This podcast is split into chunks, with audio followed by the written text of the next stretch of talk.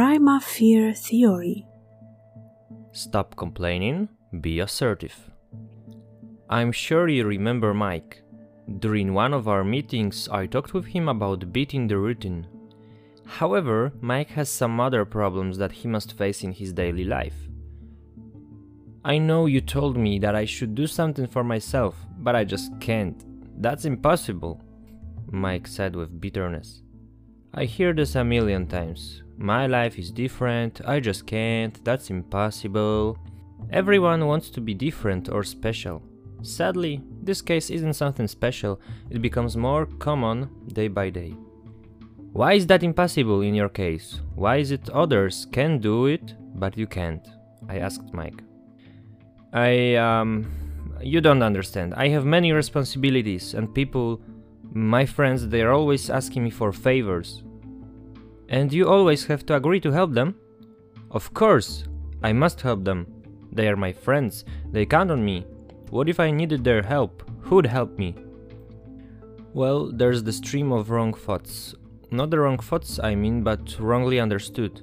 Life often shows that the people who really needed our help, in fact, took advantage of us, and when we need their help, they have no qualms to say no. Let's start again. I must help them. Why must you help them? I asked Mike. They are my good friends. If they are in need, I feel obligated. If I don't help them, they won't help me either. Mike tried to explain. You said that if you won't help them, they won't help you either. I caught his thought. Exactly. Are they your real friends then? Shouldn't a real friend be selfless? Think what are the grounds of your friendships? Do you mean that I shouldn't help my friends? He asked, upset. No, I don't mean it at all. We talk about your assumptions which you found in your head and about your motives. Is it wrong that I help? Mike was a bit disgusted. No, but ask yourself why do you help them? Do you really want to help, or do you just hope that you will need their help in the future? A friendship is something deep. It's not a result of calculation. In a real friendship, you don't worry about saying no, because your friend should understand that you had a serious reason to deny. Friendship allows for the word no. What if they get offended? Mike inquired. Then think if you really want such a friendship. Isn't it just a one way friendship, a result of one's benefit? People can be terrible, they can clinch as a leech to your skin, they can suck out all the good that you have inside, leaving you with bitterness and disappointment.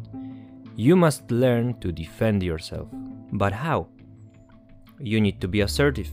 For some it comes easily, but the majority have to practice. The assertive one knows how to say no. But when I refuse to help, I'm filled with remorse. Yes, because you are not assertive. The assertive one knows how to say no without remorse. That means he's selfish. No, you can't confuse an assertive person with a selfish one. Assertiveness is a value. It doesn't come from reluctance to help, egotism, or laziness.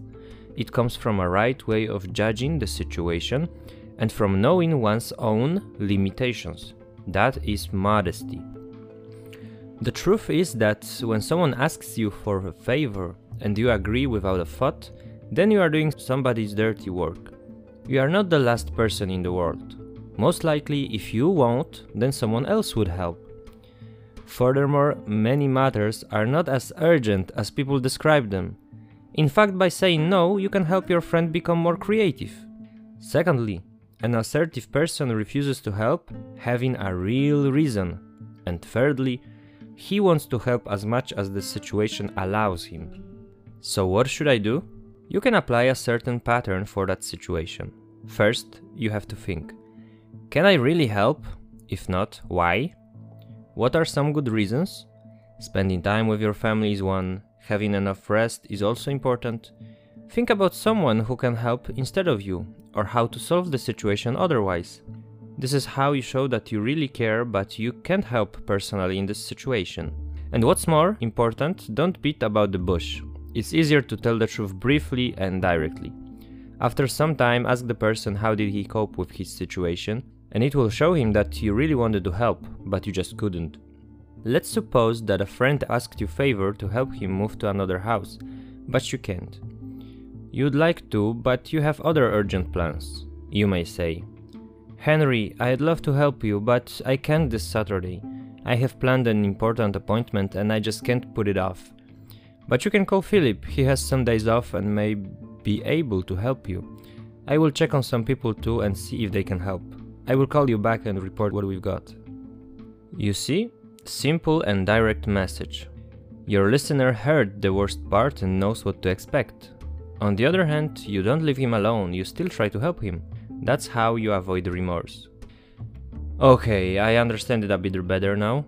It always makes me think about egotism, but now you showed me the difference. It doesn't mean to be clever or cunning, but to be honest. Yes, exactly. Find out more on pdolsky.com.